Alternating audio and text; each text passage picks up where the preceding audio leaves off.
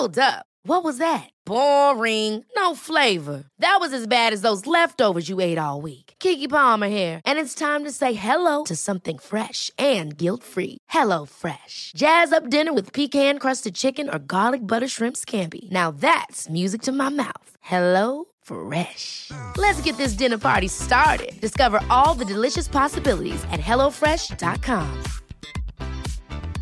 Many of us have those stubborn pounds that seem impossible to lose, no matter how good we eat or how hard we work out. My solution is PlushCare. PlushCare is a leading telehealth provider with doctors who are there for you day and night to partner with you in your weight loss journey. They can prescribe FDA-approved weight loss medications like Wagovi and Zepbound for those who qualify. Plus, they accept most insurance plans. To get started, visit plushcare.com slash weight loss. That's plushcare.com slash weight loss.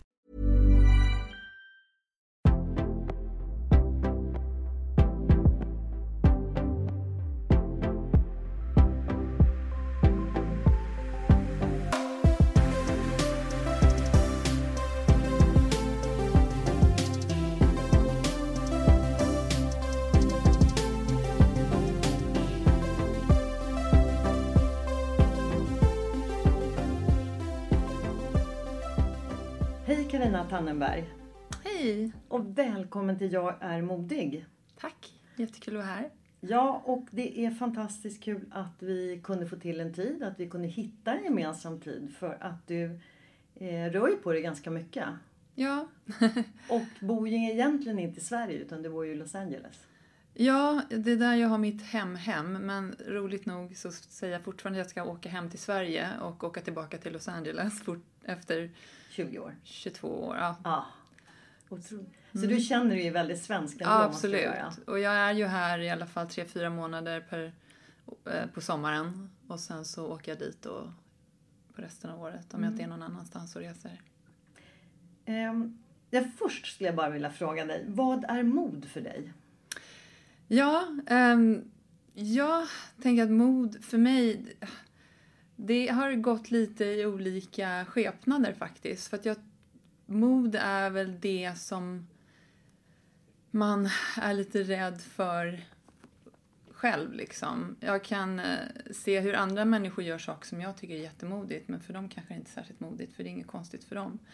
Men när jag tar på mig en utmaning som jag inte tror att jag ska klara av och sen klarar av den, då känns det ju väldigt bra. Och då blir jag väldigt stolt för mig själv att jag vågade ta det steget. Så det har varit att flytta utomlands kanske, eller att komma till den här intervjun. Ja. Jag tycker att det kan vara lite läskigt att prata mycket inför folk och sådär. Jag kan vara ganska blyg av mig. Mm. Så då tycker jag att jag är modig när jag gör sånt.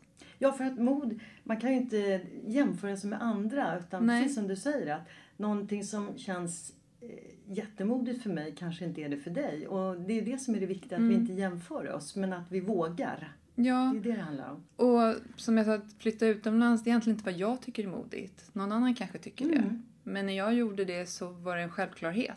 Men när jag tittar tillbaka, att jag flyttade till Paris när jag var 22 och inte kände någon och det är ganska modigt.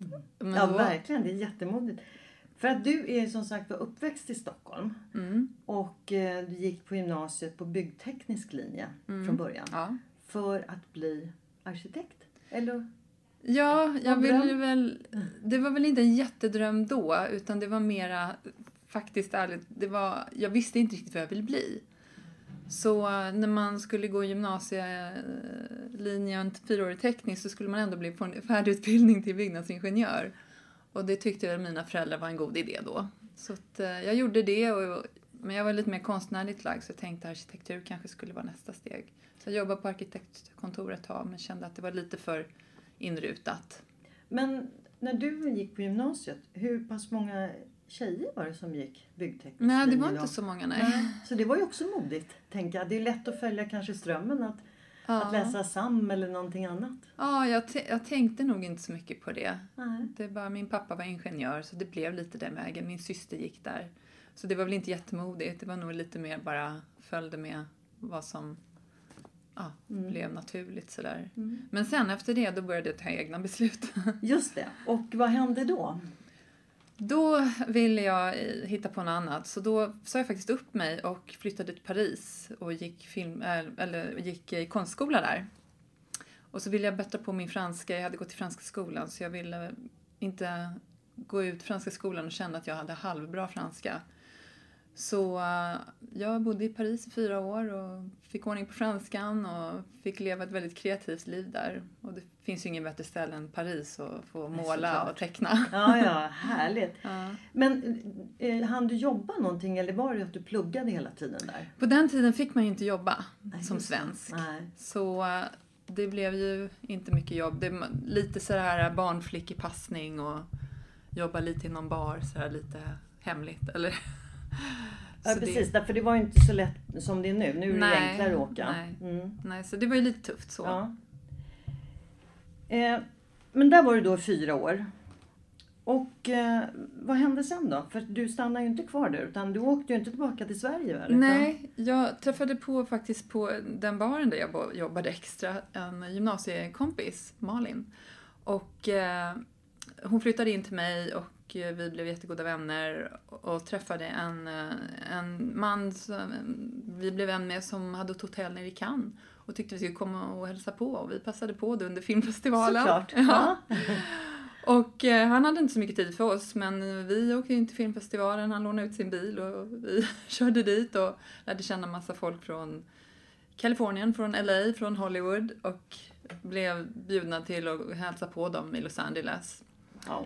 Så det gjorde ja. vi och lärde känna väldigt mycket folk inom film och sådana här gamla Hollywood-familjer och sånt där. Och fick vara med om väldigt mycket spännande äventyr. Och um, vi blev också väldigt uh, involverad i viss, vissa filmprojekt de jobbade med.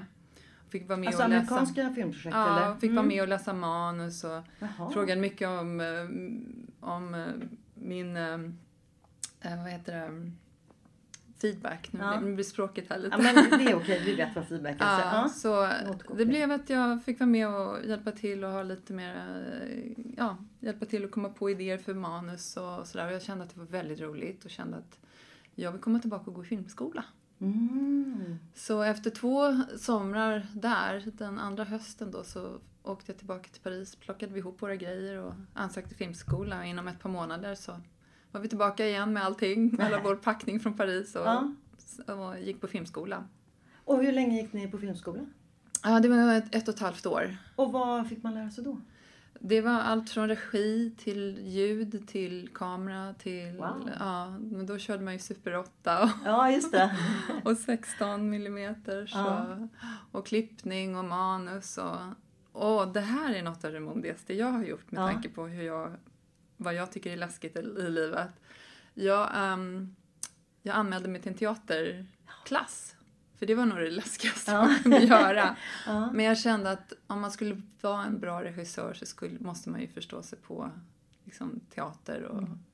skådespelare och sådär. Och psykologi är någonting som jag tycker är väldigt intressant. Och um, att, med roller och, och sånt där. Så det var väldigt kul. Um, så jag gick dit och tänkte hur jag vågade göra det, det var att jag fick ta ett steg i taget.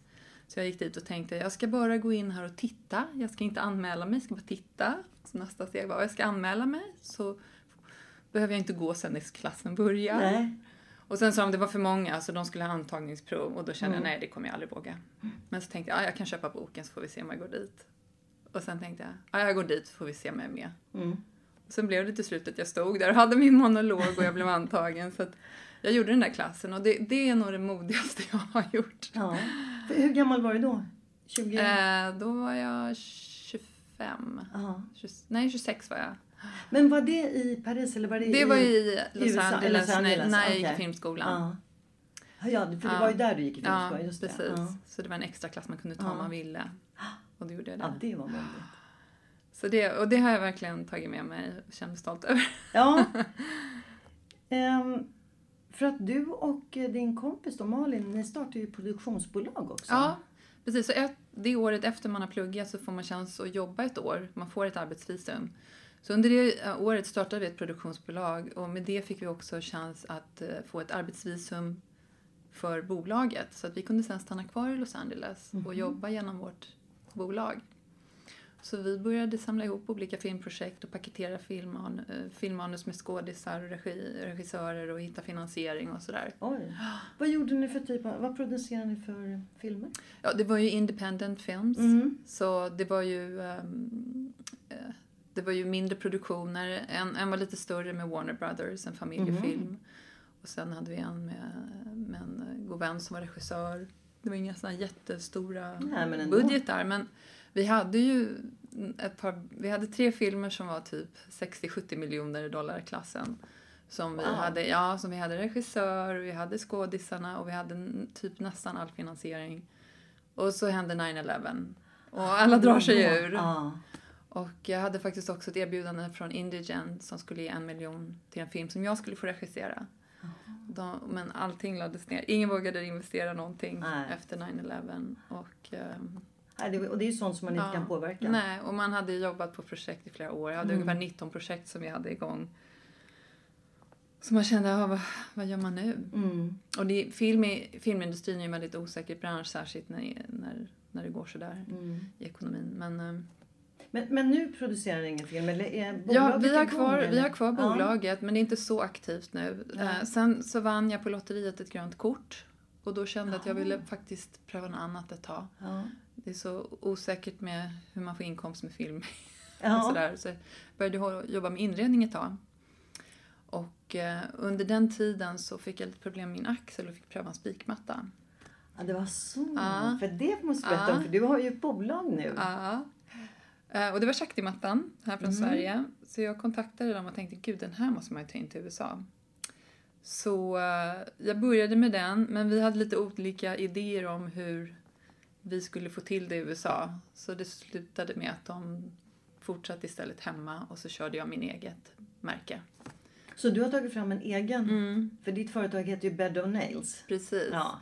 Jag hade lite andra idéer på hur vi skulle sälja den. Jag ville ha fler spikar på min matta så att det gör mindre ont men du får mer behandling. Och så kände jag att det behövde marknadsföra mer som en home spa.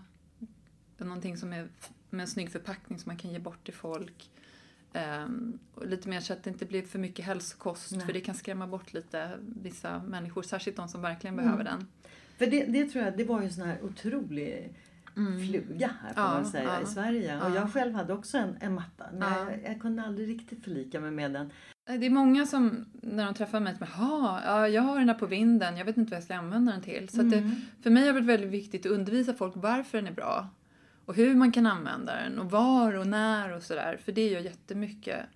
Och eh, det är väldigt kul att jobba med för att vi får ju folk hela tiden på Instagram, på Facebook, på telefon, på e-mail som hör av sig och säger jag fick den här av en kompis, jag var jätteosäker på om jag överhuvudtaget ville pröva den i början och nu kan jag inte leva utan den. Nej. Tack, ni har räddat mitt liv. Ja. Så det är verkligen jättekul. Alltså, folk använder den till alla möjliga olika saker. Jag har hjälpt folk att sluta med eh, smärtmedicin, eh, har börjat få sova äntligen, aldrig kunnat sova Ah. tidigare. Eller, överhuvudtaget så får man ju en mer balanserat i sitt liv. Man vaknar på morgonen, ligger på den här, det, det är som att börja dagen med meditation. Allting du gör under dagen sen blir mycket mer närvarande, mer fokuserat. Hur länge ligger du på den då? På morgonen? Ja, eh, 20-30 minuter. Jaha, det är så länge? Ja, det behöver man inte. Nej. Men jag tycker om att ta tid på mig på morgonen. Ja. Och det gör att hela dagen blir annorlunda.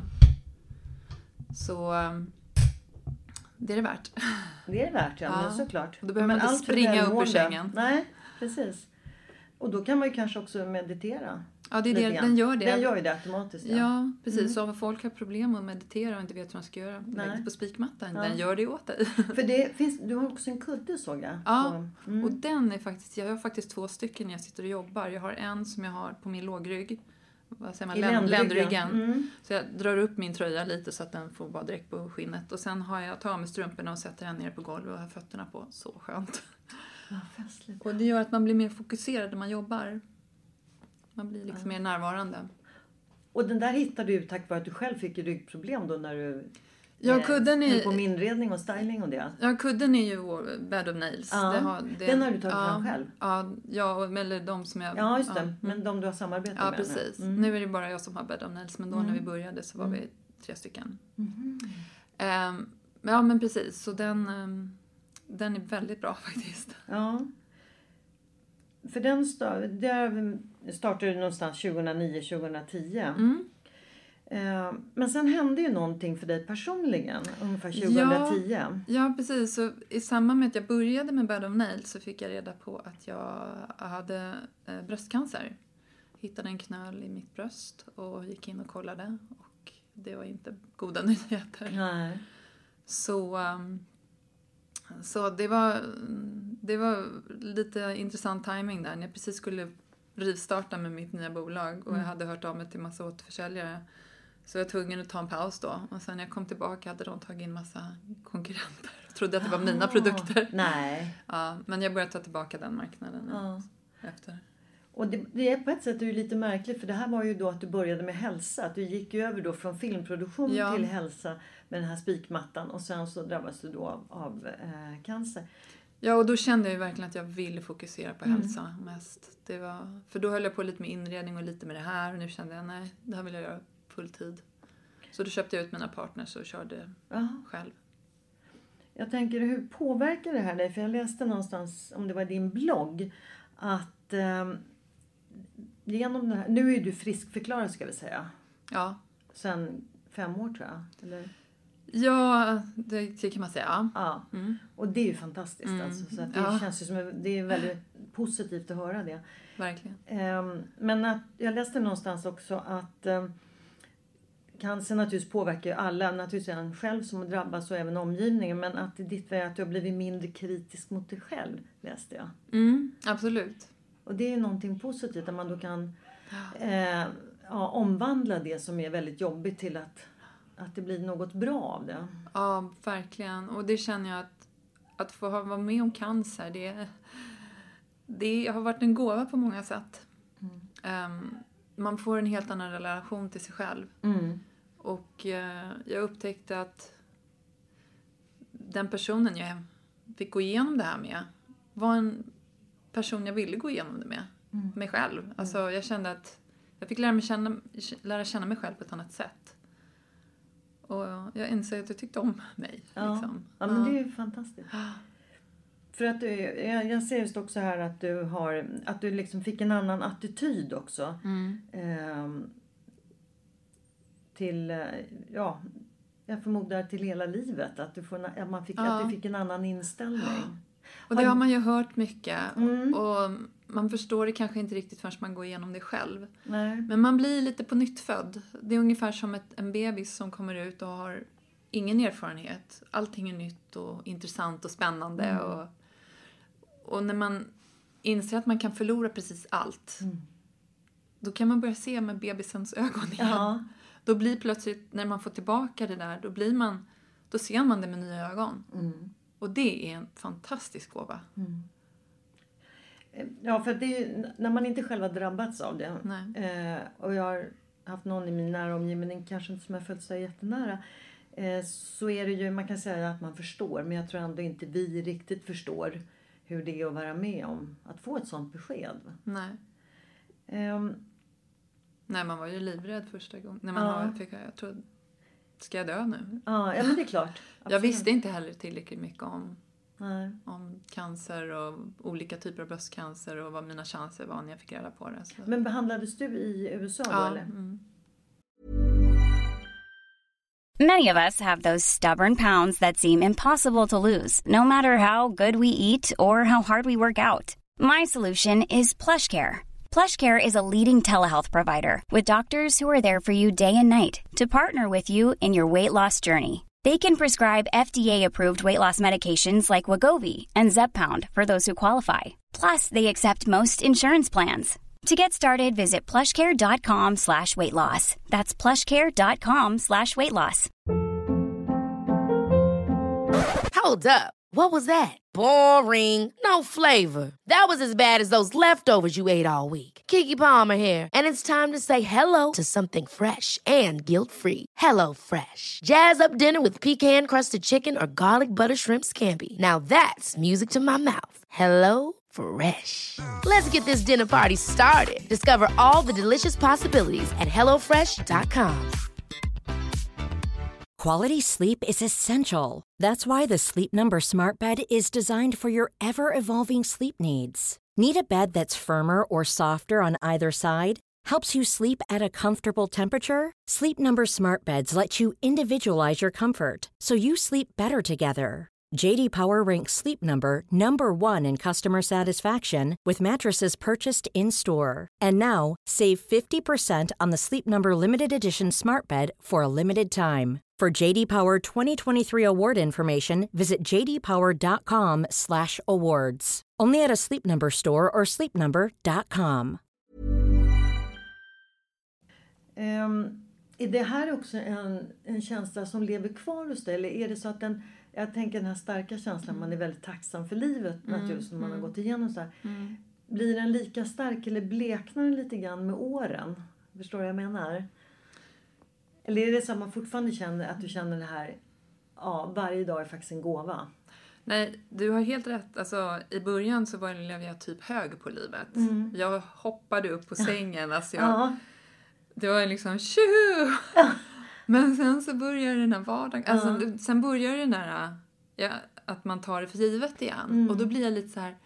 Nej Karina, nu får du inte bli så där igen Nej. att du tar det för givet. För det här är fantastiskt. Bli inte blind nu igen. Så jag får ju påminna mig själv. ja. Jag vill inte förlora det liksom, Nej. att känna så. Nej, det tror jag är jätteviktigt. Men Mm. jag tror samtidigt också att det är lätt att komma in i vardagen. Så Ja, säga, när man nu, nu när du är friskskriven och, och ja, det rullar på och sådär. Men jag har alltid det. Och jag kan komma ihåg. Ja. Och Jag kan väcka upp mig själv och säga, kom ihåg nu Karina.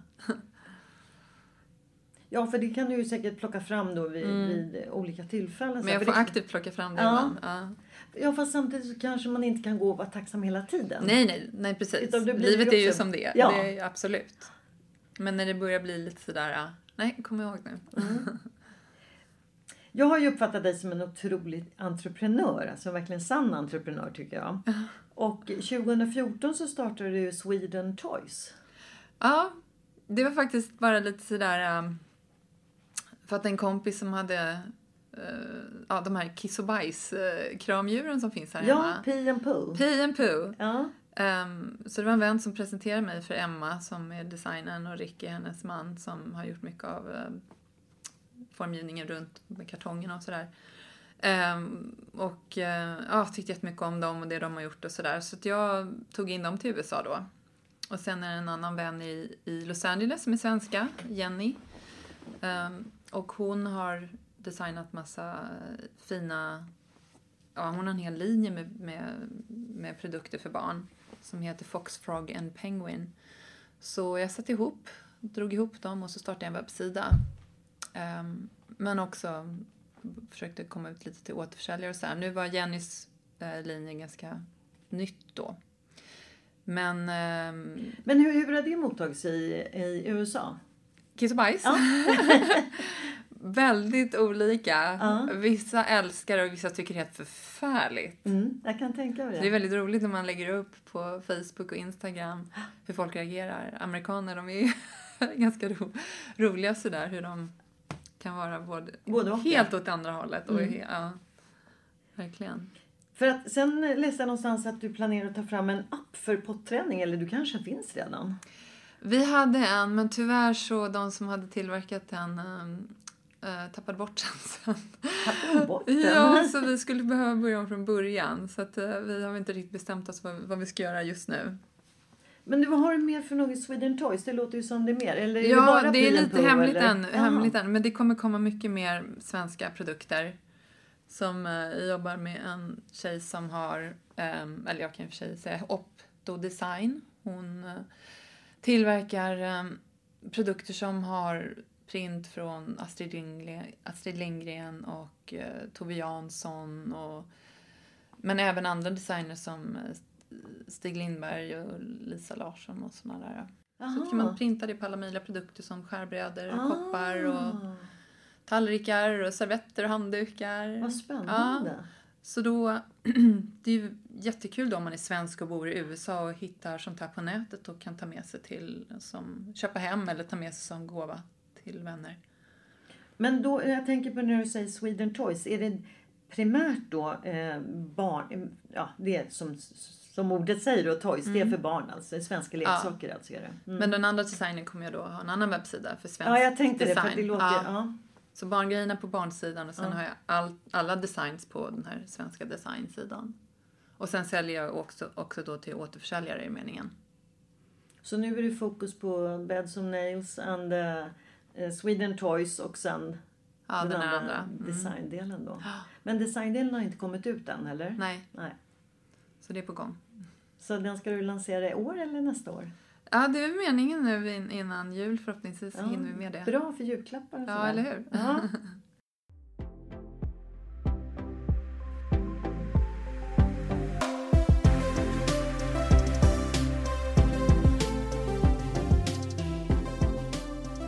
har ju fattat många modiga beslut i ditt liv. Eh, Men med mod så kommer ju också rädslor. Mm. Eh, På vilket sätt har det, kan du nämna någon rädsla och hur har det påverkat dig? Rädslan var ju för sig lite grann kan jag tänka mig när du pratade om eh, det här med teatern, att utmana dig själv att gå på teaterkurser. Där fanns det ju också en rädsla. Men där övervann du ju den. Ja, men precis. Ja. Men har du Eh, någonting annat? Och det är ju häftigt när man kan verkligen omvandla någonting från rädsla till... Men jag tycker ändå att rädslan ligger kvar, även om man lyckades övervinna just den gången. Så Ja. Jag tror att man är byggd olika om man har vissa saker som, man ligger, som ligger lättare för en och vissa saker ligger svårare för en. Och som det där med att flytta utomlands och för mig var det inte mod, det var att jag, det, jag kunde inte göra något annat. Jag var, jag det bara kliade i kroppen, jag behövde komma iväg, jag ville se världen, jag ville pröva på något annat. Så för mig så är jag, där jag är idag, det, det är någonting som jag har varit, jag har varit tvungen att göra det typ, kan man kanske säga. Det är den vägen jag behövde ta. Det, att den här friheten också, nyfikenheten. Och den bär du ju med dig fortfarande, att du har liksom en nyfikenhet och Ja. vill göra. Och sen har jag skapat mig då ett liv där jag kan vara fri. Jag kan ta, mitt, jobb är ju på min laptop. Mm. Så jag kan egentligen sitta på något vackert hotell och jobba om jag vill. Eller komma till Sverige över fyra månader på sommaren och jobba härifrån och sen åka till Los Angeles när det blir kallt och Mm. sitta där och jobba. Så, så det är jag väldigt glad att jag har, att jag har skapat det. Har du lyckats behålla dina vänner här sen tidigare i Sverige? Eller är det lätt Absolut. att de... Nej? Absolut. Och intressant nog, jag, jag har mycket mera relationer här i Sverige än jag har i USA. Det blir lite att jag åker dit och jobbar järnet. Ja. Och sen så de här fyra månaderna på sommaren så är jag mer social och jobbar kanske inte lika hårt då. Så fokuserar på mina vänner här hemma. Är det, ja, tycker du att det har varit ehm, lätt eller har det varit en utmaning? Man har ju en bild, alltså jag tänker nu på Mm. USA. För man har ju en bild att jänkare är ju så himla lätt att snacka med och lätt att komma i kontakt med. När man är, jag har ju rest en hel del där men jag har ju aldrig bott där. För det är ju en annan sak. Mm. Ja. Men när man bor och lever där, är, är Mm. det lätt tycker du? att- Alltså jag har ju bott där väldigt länge och jag känner mycket folk. Mm. Men jag känner dem inte så. Alltså de känner inte mig så väl som de som är här hemma. Det går inte lika djupt känner jag. Och det är väl för att man inte har kulturen gemensamt. Och överhuvudtaget, europeer har, tycker jag, mer ett djup. Om man tittar på europeiska filmer och amerikanska filmer, man ser Ja. skillnaden på djupet där. Fast det kan vara okej också kanske. Att man hör den här. Absolut. inte vara någon, för jag tycker ibland så har man varit ganska duktig i Sverige på att säga att det, men det är det här ytliga. Och så har man gjort det, alltså det har blivit något negativt. Men det, Nej, det behöver behöver inte vara. Nej, nej, nej. Nej. nej. det kan vara ganska skönt Ja. att det Ja, och sen också just den här lättsamheten. Det är väldigt enkelt ändå Mm, att börja snacka med folk där. Ja, ja, gud ja. Ja. Eh, karriär då? Eh, vad har du stött på för motgångar i, under din karriär? Åh, ja det är, det är motgångar hit och dit och det är, vad säger man, belöningar hit och dit. Ja. Men kan du berätta om någon motgång? Som du Ja, också... det där 9-11 var ju en Ja. jättemotgång. Och den är ju klart, den är ju väldigt svår för den var ju så gigantiskt stor Ja. och någonting som man inte kan påverka själv heller. att, eh, men om man nu säger, den drabbade ju dig då ganska Ja. rejält, eller Ja. er. Det var väl då när ni hade produktionsbolaget Ja, det, va? ja. Vad lärde du ut av det då? Om man säger så. Nej, men jag lärde väl att man kan inte fästa sig vid det man har för mycket. För allting kommer och går. Det är som vatten som flyter. Man, man får hänga med och så får man vara glad när det funkar och så får man lära sig av när det inte funkar. Ehm, även med Bed of Nails åkte jag på en riktig ny örfil också, eller man ska säga. Ja. Ehm, och förlorade väldigt mycket pengar för att jag litade på fel person. Mm. Som jag har fått betala liksom. Men det, det är det där man... Man kan inte göra det för att man ska tjäna pengar. Man måste göra det för att man lär sig under en resa man reser. Om man säger så. Så... Ja. Men det är väl också, Allting är en kunskap. Allting, man får lägga värdet i allting man lär sig. mm, för att det är ju också en förmåga och som man kanske lär sig eh, när man är som du då modig och hoppar på olika saker. Mm. Att när det blir en motgång ja, ta till sig den och kämpa Mm. sig igenom det. Men också, sen också förmågan att släppa det. För om man Mm. inte gör det då är ju risken väldigt stor om man blir bitter. Mm. Och det enda som Ja, nej, det kan man drabbar... inte bli. Nej, för det är ju bara jag själv så, i så fall. Ja, då man gör man ju den där, den där katastrofen blir plötsligt dubbelkatastrof i så fall. Mm. Men man, jag tror att det är viktigt att man inte ens ser det som en katastrof. Man måste bara se det som... Det kanske ser ut som två steg bakåt, men det är också ett steg framåt. För det går ändå till någonting nytt. Du lär dig någonting på vägen. Okej, nu händer det. Nästa. Ja men då har du ju också tagit lärdom av, Mm, av det som inträffade va? och gjort någonting bra utav det. Mm. Och det finns ju aldrig någonting som går raka vägen fram. Nej, Även när det går åt sidan eller neråt, uppåt, så går det ändå i en riktning. Det går någonstans. Nej men exakt och det är väl det som gör tror jag när många drömmer om att göra Mm, någonting men man är så rädd för att eh, eh, vad ska hända då och man går utanför sin comfort zone. Men det är det du måste utmana dig. va? Mm. Absolut. Ja, om du inte är beredd att göra det, då kommer du sitta still och då blir det inte så comfortable i alla fall. Nej, exakt. Nej, det, det är rätt spännande. Du, jag tänker också, eh, karriär pratar vi om, men vad innebär att vara framgångsrik för dig då? Att känna att man trivs. Att känna att man får utlopp för det som stimulerar en, Mm. tycker jag. Ha, i, i, känner du att efter den här cancern som du fick, Mm. har du en annan värdering eller ser du på framgång på ett annat sätt idag än vad du gjorde då innan? Mm, ja, jag vet inte. Jag, jag har aldrig varit sådär pengadriven eller... För mig har min levnadssituation varit det viktiga. Du drivs av passion alltså? Passion, frihet, nyfikenhet. Se, se saker, vara med om saker. Eh, och då antar jag att då känner du att du är egentligen chef över ditt liv och det har väl du nästan Mm. alltid varit? Ja. Om jag uppfattat Ja. dig rätt. Jag har kanske varit anställd ett och ett halvt år av mitt liv. någonting sånt. Ja. Men också att du känner att du kan ta kommando över ditt liv. Som jag fattar det. Att Mm. när det blir en motgång. Okej, nu händer det här. Vad gör jag nu för att komma vidare? Ja. Och det är ju verkligen att vara chef över sitt liv. Ja, jo. Sen har jag, ehm, vad ska man säga, en um, the benefit. Mm. I och med att jag fan? inte har ansvar för barn. Nej, just det. Så jag, jag kan köra mitt eget race. Jag behöver inte ta hänsyn till någons, eh, om jag har ett barn som går i skolan eller jag kan jag kan vara lite mer våghalsig med mina investeringar och sådär. Ja, för du, precis. Du, kan ha ju fok- du har ju fokus på dig själv nu. Eller vad det är du Precis, vill göra. Och precis. ditt- Ja. Så jag förstår att det är inte lätt för alla att kunna göra en sån sak. Nej. Nej, visst. Det, finns, man har ju olika situationer Ja. som man befinner sig i. Så är det absolut. Eh, vi var inne lite grann på det här tidigare. Att eh, om du har kvar dina vänner och hur, Mm. i Sverige. Och du har ju... Eh, och mm, i alla fall så tror jag de flesta här i Sverige uppfattar att amerikanerna är väldigt duktiga på att nätverka. Mm. Eh, hur är det för dig att nätverka?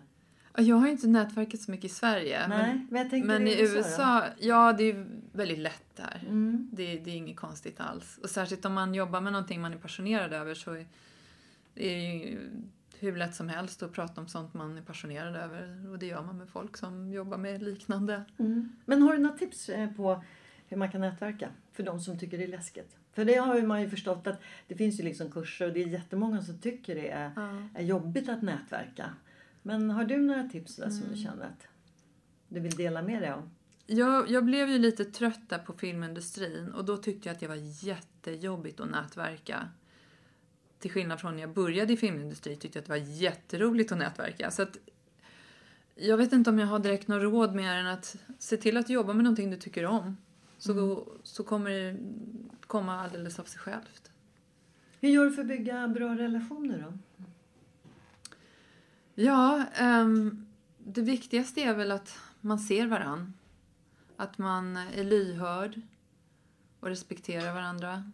Och ja, att man... Ja, jag tror det. Det är just att man ser varandra är det viktigaste i en relation. Mm. Eh, hur stärker du ditt eget självförtroende? Ehm, ja, att pröva på saker som jag ser som utmaningar. Alltså, Lite som det där med att ta den där teaterklassen. Mm. Då, när jag känner att jag klarar någonting som jag trodde att jag inte skulle klara av.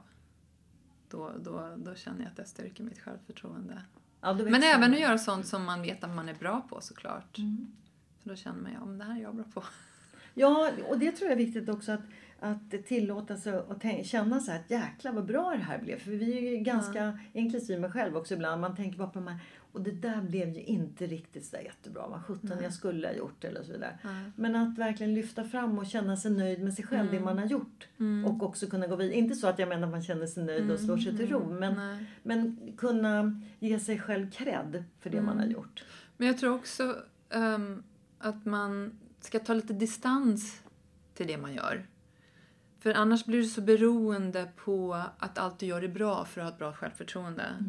Men om du gör saker och det inte handlar så mycket om dig eller att du, du är mer som en kanal för ditt arbete. Då kan du inte ta det så personligt om det inte går bra. Och då, blir, då behöver du inte känna att du var dålig. Nej, och det är väldigt lätt just att det blir prestationsinriktat. eh, Mm, Precis. det här självförtroendet. Och det är ju inte det bästa om man säger så. Nej. När det, när det hela tiden kopplat till Nej. prestation. Nej, men är, man kanaliserar ju liksom ett, någonting. Och det är därför man är bra på vissa saker. Och då får man se till att man använder sig av det. Var, hi- var, var eh, hittar du ditt eh, inre lugn och energin också? Jag tänkte, jag, kanske inre lugn lite i varje morgon när du ligger på spikmattan. Absolut, det är definitivt min... eh, Och det är bra att börja dagen så. För då kan jag bära, bära det med mig under dagen. Men naturen är jätteviktig för mig också. Att, och, och gärna själv i naturen. Gå på hikes eller springa eller ta en promenad i, skogen. Det är, det är viktigt. Havet är också en lugnande faktor på mig. Så Los Angeles är bra så att vi har både berg och hav där så man kan Ja, det. Finna sitt lugn. Mm. Ja, det är fantastiskt. Och då när du går på en hike då har inte du någon musik i öronen? Nej, utan- nej, nej. Och jag förstår det inte. nej. Alltså då slänger man ju bort det bästa på hajken. Det är ju Ja. de här ljuden och det här lugnet och luften. Man hör vinden och fåglarna och bruset av träden. Hur ofta har du möjlighet att, att göra det? Ja, det gör jag flera gånger i veckan. Du gör det? Ja, Mm. det gör jag. Det är jätteviktigt för mig. Och då kan jag tänka mig att det blir både ett lugn och, en, och samtidigt som du får en energi när Absolut. du gått där. Ja. Ja. man går ju ganska eh, brant. Mm. Så det är en bra träning. Apropå träning förresten, Mm. tränar du på något annat sätt? Jag tänker, går du på gym eller någonting sånt? Eh, I perioder gör jag det. Men jag föredrar, jag är ingen gymperson så. Jag gillar mer att göra yoga eller springa på stranden eller gå hikes då. Mm. Men det är ju inte dåligt. Nej, Nej men det, jag tycker jag, jag sammankopplar gärna med naturen när jag rör på mig. För när man sitter och jobbar vill man ju komma ut sen när man rör på sig. Och det är klart, det klimatet där Tillåter väl- det. Ja, precis. Absolut. under mycket, mycket längre perioder än vad vi har Absolut. här hemma. Härligt. Eh, när känner du dig som mest avslappnad då? Är det då när du Ja, ligger på svitmattan? ja, ja nej, men det är väl det vi pratade om. ja. Men jag kan känna mig väldigt avslappnad när jag jobbar också. ja. Beroende på vad jag jobbar med. Men har du, jobbar du hemifrån eller har du ett kontor som du går till? Eh, Jag jobbar hemifrån eller så sätter jag mig någonstans. Det kan vara allt från hotellobbys till kaféer eller... Ja. Mm. Är det vanligt att man gör det där? Om man är egen? Ja, det är många egna där. Mm. Det är Jag faktiskt tror att det är mer vanligt. än vad det är här.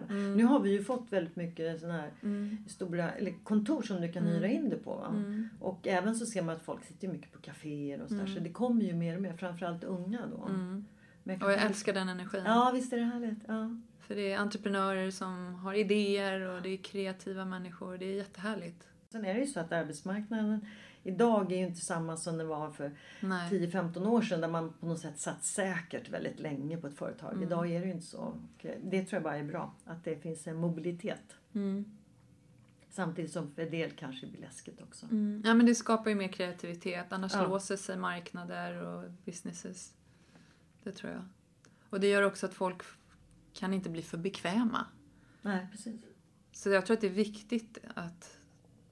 Ja. det blir en utveckling, en rörelse. En rörelse, Mm. precis. Och när någonting slutar röra på sig, då dör det. Liksom. Så det, det är viktigt.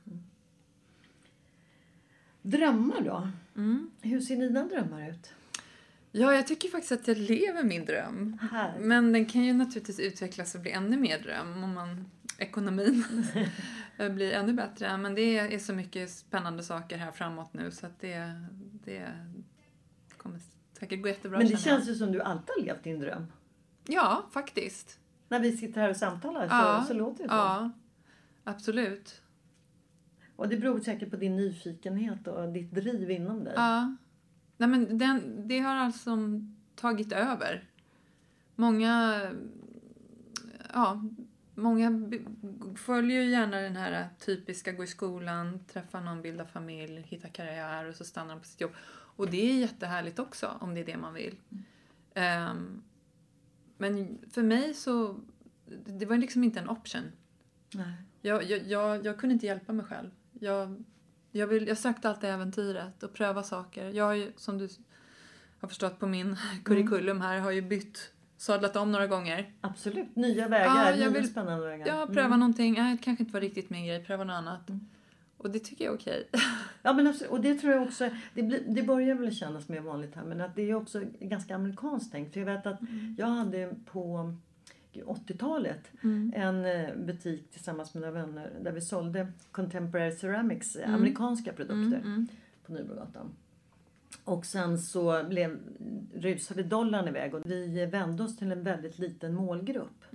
Så att det var medvetet val. Eh, Men sen så blev, ja, med när kronan revalverade och sen så blev det en devalvering. Så att det blev alldeles för dyrt. Eh, Och då sålde vi butiken och rörelsen. Vi gick inte i konkurs men vi sålde den.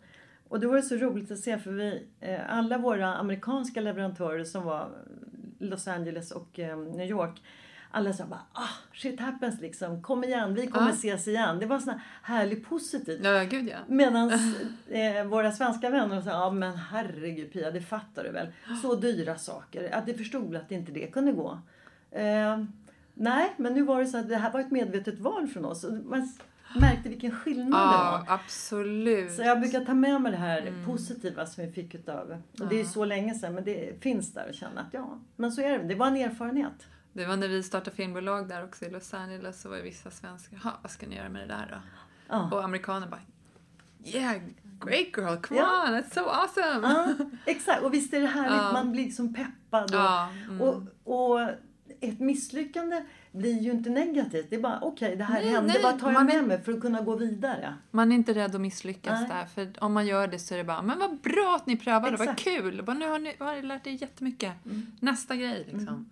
Ja, just det. För där står ju inte ordet misslycka för något negativt. Nej. Det kan göra här. Utan Ja. misslyckandet är ju en erfarenhet Absolut. som du tar med Här dig. hemma, ha, Ja. jag visste väl det. Ja.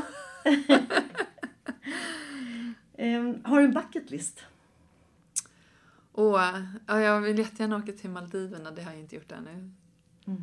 Det, jag har en sån här bild framför mig. Jag var faktiskt där för, men det är många år sedan. Det var, Mm. pratar vi 80-tal. Och då var det ju väldigt, väldigt enkelt. Det var Mm.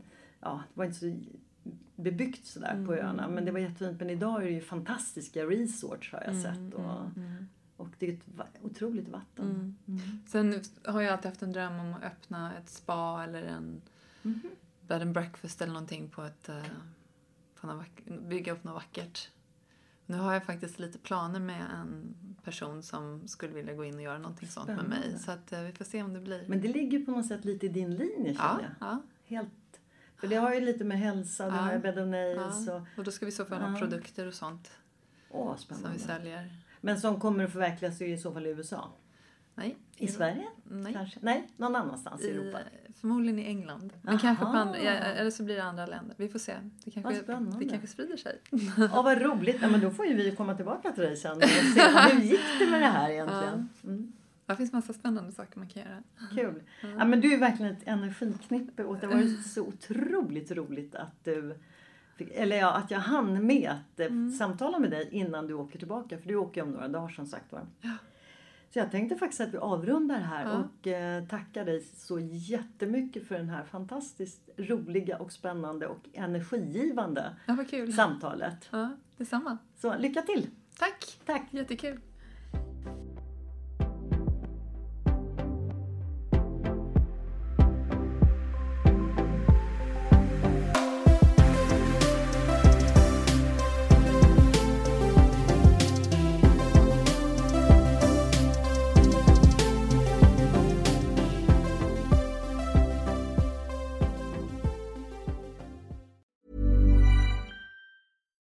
Hi, I'm Daniel, founder of Pretty Litter. Cats and cat owners deserve better than any old fashioned litter. That's why I teamed up with scientists and veterinarians to create Pretty Litter. Its innovative crystal formula has superior odor control and weighs up to 80% less than clay litter. Pretty Litter even monitors health by changing colors to help detect early signs of potential illness. It's the world's smartest kitty litter. Go to prettylitter.com and use code ACAST for 20% off your first order and a free cat toy. Terms and conditions apply. See site for details. Planning for your next trip? Elevate your travel style with Quince. Quince has all the jet setting essentials you'll want for your next getaway, like European linen, premium luggage options, buttery soft Italian leather bags, and so much more. And is all priced at 50 to 80% less than similar brands. Plus, Quince only works with factories that use safe and ethical manufacturing practices. Pack your bags with high-quality essentials you'll be wearing for vacations to come with Quince. Go to quince.com slash pack for free shipping and 365-day returns.